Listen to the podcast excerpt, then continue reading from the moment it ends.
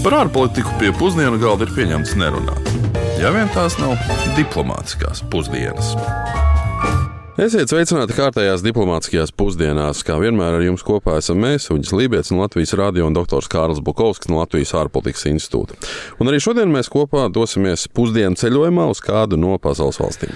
Labdien arī no manas puses, un kamēr mēs šeit Latvijā vai nu joprojām gaidām, vai jau esam sagaidījuši rudens iestāšanos, nu, kā nu kuram pēc sajūtām acīm redzot, mūsu šodien apskatāmajā valstī, kas ir Gvatemala, līdzīgi kā daudzās citās tropu valstīs, pašlaik noslēgumam tuvojas lietus sezona. Nu, attiecīgi, lai novembrī sāktos sausā sezona, jeb vasara, kuras karstākie mēneši ir marts un aprīlis.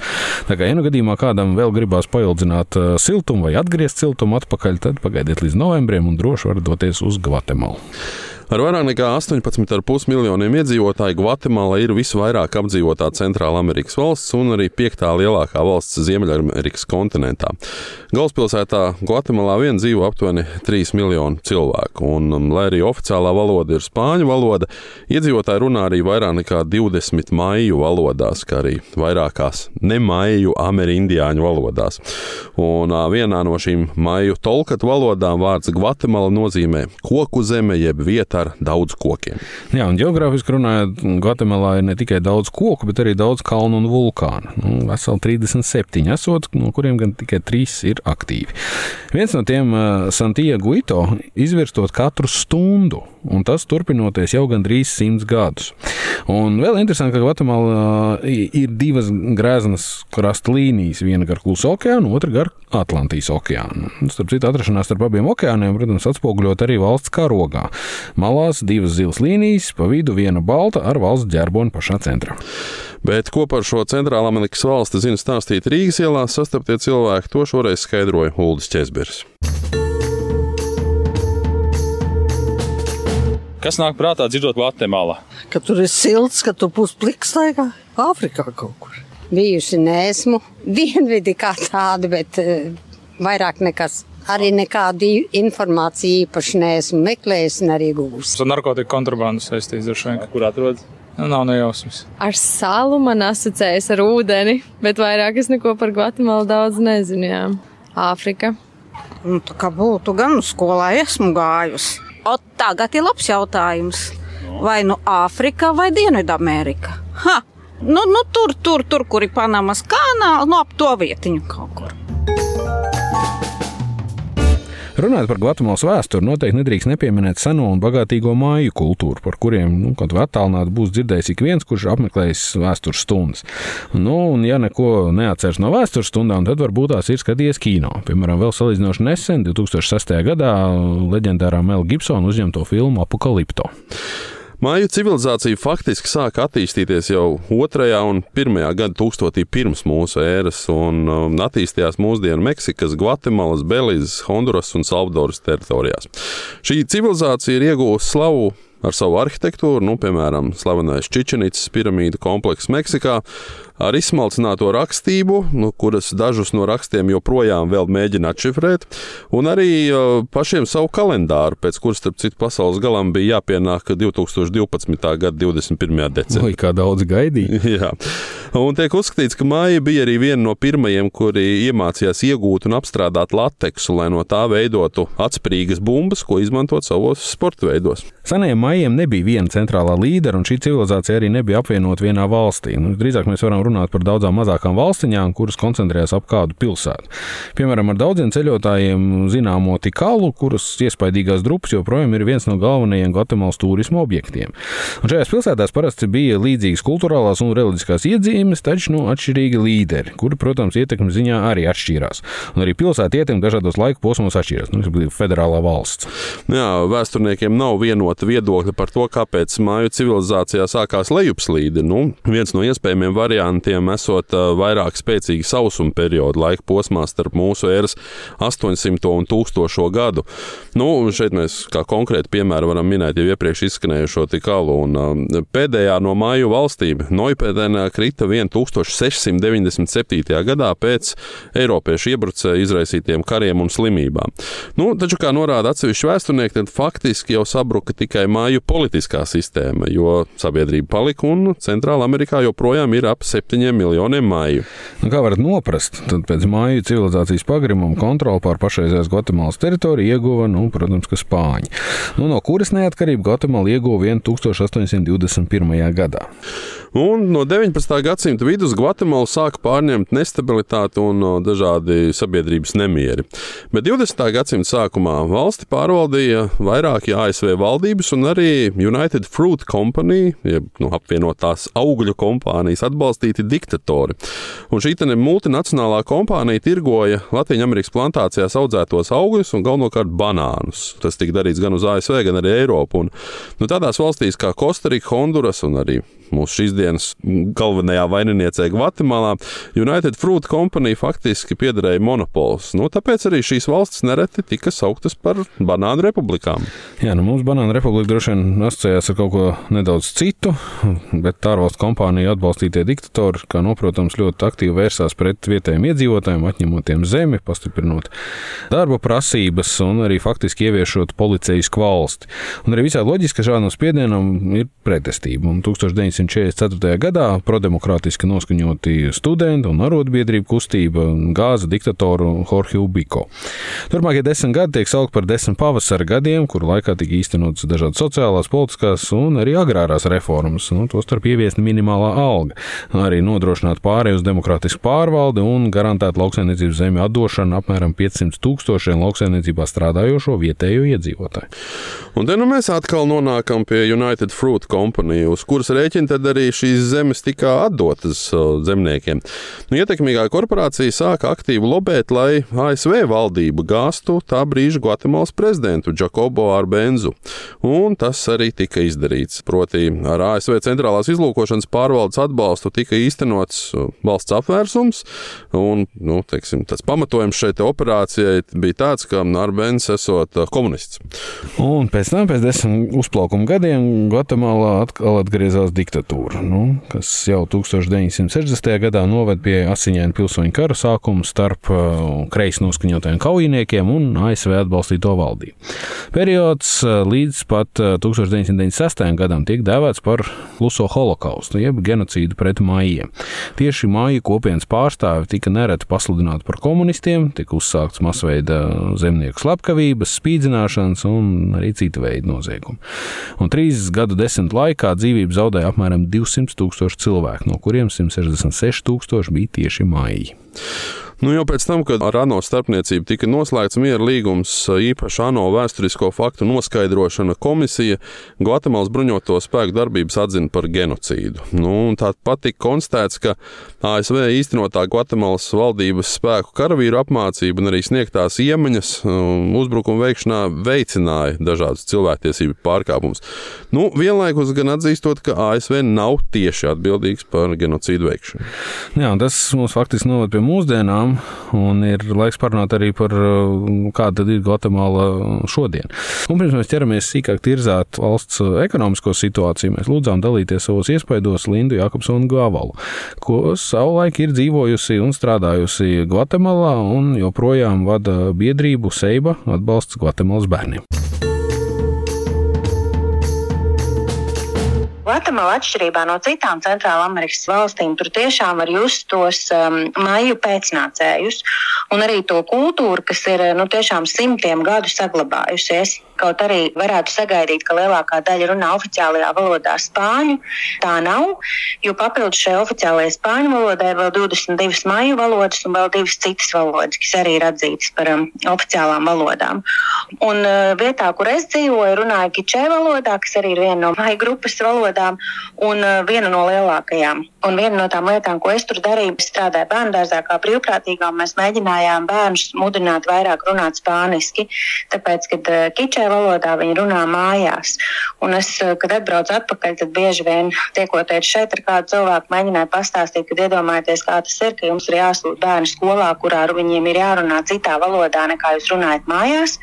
Un iespējams, jūs paši nemākat ne lasīt, ne rakstīt, un visdrīzāk jums mājās arī nav elektrības. No otras puses, kad mēs paskatāmies kaut vai uz aci vien, tad mēs redzam, cik daudz tiešām šo māju pēcnācēju tur ir. Tāpēc, ka sievietes joprojām valkā tradicionālo tērpu, tas nebūtu tā nav citās Centrāla Amerikas valstīs. Un tam ir nu, gan pozitīvais aspekts, protams, jo nu, uz aci tas izskatās ļoti skaisti un tiek saglabāta arī kultūra. No otras puses, tas veicina diskrimināciju, jo uzreiz pēc pilnīgi vienas pazīmes mēs redzam, kādai grupai vai kam cilvēks pieder. Tā otra lieta ir tā milzīgā Gvatemalas dabas bagātība un tā atšķirība, kas tur ir redzama burtiski stundas braucienā. Un, ja es vienu piemēru no savas ikdienas dzīves, tad es dzīvoju vienā no lielākajām Gvatemalas pilsētām, Keceltenango, un braucu uz to bērnu dārzu, kur es strādāju no apmēram pusstundas attālumā kalna augšā. Un katru rītu es burtiski izbraucu cauri mākoņiem, un tā atšķirība bija burtiski vairāki grādi. Ja lejā varēja spīdēt saule, tad augšā bija, piemēram, lietus un augsts, un arī mēs bieži vien neiedomājamies, ka šajā Centrāla Amerikas valstī var būt mīnusgrādi un arī sniegs, un tiešām ļoti nepatīkams klimats ziemā, kas, protams, mājās, kas nav apkurināms nekādā veidā, kā mēs to esam pieraduši, ir ļoti nepatīkami. Un tāpat, protams, vulkāni, ezeri okeāns, jūra, nu viss iespējamais. Viss Gvatemalā ir viss no tā, ko varētu vien, vien vēlēties.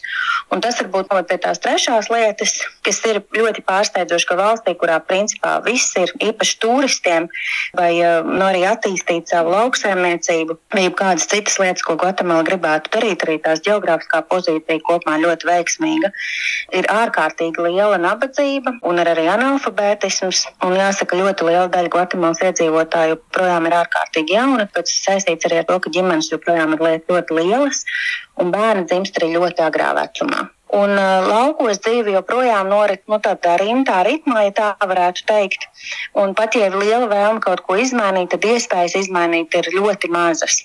Tas ir saistīts gan ar milzīgo nabadzību, gan arī, piemēram, ar vienu no tradīcijām, kas ir saistīta, kad ja zemi joprojām sadala uz bērniem. Mēs saprotam, ka to bērnu ir daudz, tad tā zemes vienkārši nav vairs pieejama un katram tas mazais zemes pleķītis, kas ir nekādu lielu ekonomisku labumu, nevar nest.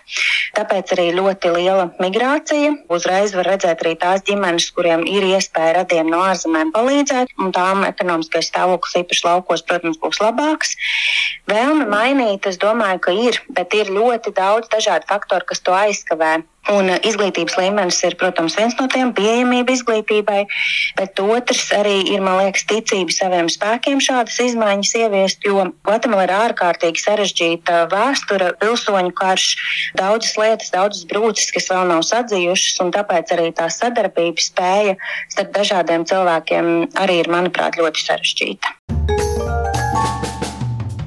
Pēc 30 gadus ilgušā pilsoņu kara sekojošie gadi izcēlās ar visai strauju ekonomisko izaugsmu. IKP uz vienu iedzīvotāju pēc pirktspējas paritātes pēdējo 30 gadu laikā ir pieaudzis no apmēram 6000 eiro līdz nedaudz vairāk par 9000 eiro. Nu, tas gan vienlaicīgi salīdzinājumā, protams, joprojām apmēram trīs reizes atpaliek no Latvijas rādītāja. Jā, un par spīti stabilai izaugsmai, Gvatemalai tomēr ir viens no augstākajiem nabadzības un arī nevienlīdzības līmeņiem Latvijā un arī Karību jūras reģionā. Pēc dažādiem aprēķiniem vairāk nekā puse no valsts iedzīvotājiem dzīvo zem nabadzības sliekšņa, un īpaši izteikti tas ir tieši lauku reģionos un tieši pamatiedzīvotāju vidū. Nu, eksperti gan norāda, ka Gvatemalai ir visnotaļ milzīgs potenciāls savu ekonomiku izvest no šīs neapskaužamās situācijas, jo valsts tiek uzskatīta par vienu no tikai 17. tā dēvētajām megadažādajām vai megadiversity valstīm, kurā ir atrodama apmēram 14,000 dažādu dzīvnieku un augu sugu, un daudzas no kurām nav atrodamas nekur citur pasaulē. Starp citu, 17 megadažādības valstīs ir atrodama apmēram 60 līdz pat 80% no visas, visas pasaules dzīvajām radībām. Nu jā, nu, no vienas puses šādas vēsturiskās un dabiskās bagātības paver lieliskas iespējas veicināt, nu, piemēram, turismu. Medniecību. No otras puses arī uzliek valdībai lielu atbildību par šo vērtību saglabāšanu. Taču izaicinājums rada gan jau minētā nabadzība, gan noziedzība, narkotiku kontrabanda, gan arī neefektīvā valsts institūcija darbība atsevišķos sektoros un, diemžēl, joprojām pastāvošā augstā korupcija. Un cerības uz situācijas maiņu maiņa, gan solīja šajā vasarā notikušajās arī prezidenta vēlēšanās, nu, respektīvi situāciju mainīt prasīja ļoti daudzi kandidāti. Uzvaru izcīnīja progresīvi noskaņotais korupcijas pretinieks Bernardo Arevalo. Taču tā vien liekas, ka šādu progresīvo cīnītāju nonākšana pie varas daudziem ir visnotaļ traucējoša, un, piemēram, dažas stundas pēc ievēlēšanas jau uzreiz tika ierobežota Arevalo pārstāvētās politiskās kustības darbība. Tā kā nu, partijas darbība ir ierobežota, nu, vairs nevarēs veidot atsevišķu bloku parlamentā, kas savulaik varētu ievērojami ietekmēt jaunā prezidenta spējas vispār vadīt valsti. Nu, pašreizējā situācija lielā mērā ir pierādījums tam, ka esošā politiskā elite var un arī izmanto tās rīcībā esošos gan likumiskos, gan tiesiskos instrumentus, pat ja nepareizi un negodīgi, nu, tad attiecīgi izmanto savā labā un apdraudot leģitīmi ievēlētās valdības darbu. Nu, politikas komentētāji jau norāda, ka patiesībā šeit nav runa tikai par vienu prezidentu Bernardo Aravelo, bet par Gvatemalas demokrātijas noturību kopumā. Un, nu, vēršanās pret likumīgi ievēlētiem pārstāvjiem jau ir izpelnījusies gan ASV, gan Eiropas Savienības, gan arī Amerikas valstu organizācijas nosodījumu. Lai cik būtu paēdis, vienmēr ir vieta arī desertam. Nu, man vienmēr ir licies, ka vismaz deserta sadaļā ir nepieciešams runāt par ēdienu. Un patiesībā, ja mēs runājam par maiju ietekmi, tad jebkurš, kurš vismaz kādreiz ir ēdis kaut ko no meksikāņu ēdieniem, nu, piemēram, kukurūzas tortillas vai guacamoles mērci, var teikt, ka ir izmēģinājis kaut ko no maiju ēdieniem. Nē, es arī domāju, ka deserta sadaļai ir jābūt saldai. Neskatoties to, ka mēs varbūt tās bieži vien grēkojam ar šo, bet šoreiz tā būs rūkti salda, kā tāda īsta šokolāde. Jo faktiski runājot par maiju, maijiem mums ir jārunā arī par šokolādi. Proti, maijiem kakao lietošanas zināšanas nodeva Olmeki, kas dzīvo turpat netālu mūsdienu Meksikas teritorijā. Un tiek pieļauts, ka viņi kakao pupiņu sāka lietot apmēram pusotru gadu tūkstoti pirms mūsu ēras. Atšķirībā no Olmekiem, kuriem nebija rakstiskas vēstures, Māju vēsturiskās liecības apliecina, ka māja šokolādi ne tikai patērēja, bet varētu teikt pat dievināja. Ar šokolādes dzērieniem tika noslēgti dažādi nozīmīgi darījumi un ceremonijas. Turklāt šokolāde nebija tikai nu, bagātajiem un ietekmīgajiem pieejama greznība, bet to lietoja faktiski ik viens. Un, un, un faktiski šokolādes dzērieni mājsaimniecībās tika lietot gandrīz katrā ēdienreizē. Un šeit interesanti, ka māju šokolāde bija tāda bieza putota, un to parasti pasniedz ar medu ledu, ūdeni vai čili pipariem. Starp citu, vārdu šokolāde gan ir cēlies nevis no maijiem, bet gan atstekiem, kuru dzēriens čokolātu eh, tika uzskatīts par dievu dotu spēka dzīru. Bet nu, tas jau ir pavisam cits stāsts. Eh, vienu gan varam teikt droši, Eiropieši, pateicoties spāņu iekarotājiem, par šokolādu uzzināja apmēram 3000 gadus vēlāk nekā Olmeki, Atsteki un Maiji. Un pie šī saldā fakta mēs arī noslēdzam mūsu šīs nedēļas raidījumu, lai nākamajā nedēļā jau atgrieztos tepat Eiropā, uz vienu no mazākajām Eiropas valstīm ar augstāko IPP uz vienu iedzīvotāju pasaulē kā jau droši vien nopratāt, nākamnedēļ runāsim par Luksemburgu. Bet līdz tam mūsu iepriekšējais raidījums un arī šo pilnākā versijā varat noklausīties gan Latvijas radio arhīvā, gan mobilajā lietotnē, gan arī lielākajās raidierakstu straumēšanas platformās. Uz sadzirdēšanos jau pēc nedēļas! Diplomātiskās pusdienas katru otrdienu pusdienos Latvijas Radio 1.